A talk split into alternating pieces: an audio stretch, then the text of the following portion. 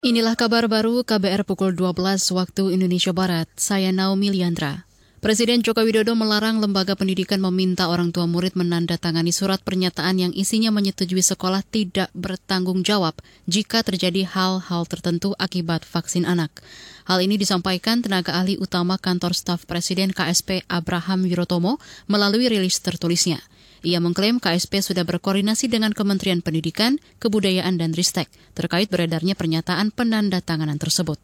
Abraham menegaskan penanganan gejala pasca vaksin anak sepenuhnya tanggung jawab negara, termasuk soal biaya.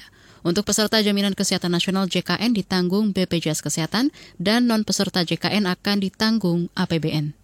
Komisi Bidang Kesehatan DPR mendorong pemerintah meningkatkan pengetesan dan pelacakan untuk mendeteksi dini kasus COVID-19 varian Omikron.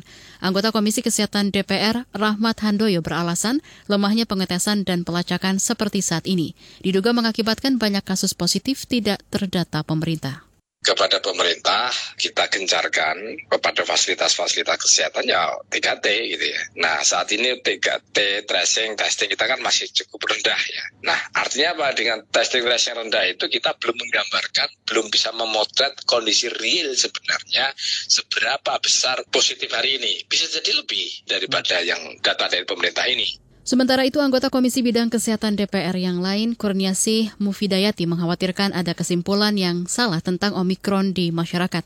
Akibatnya masyarakat semakin abai aturan protokol kesehatan karena menganggap gejala Omikron lebih ringan.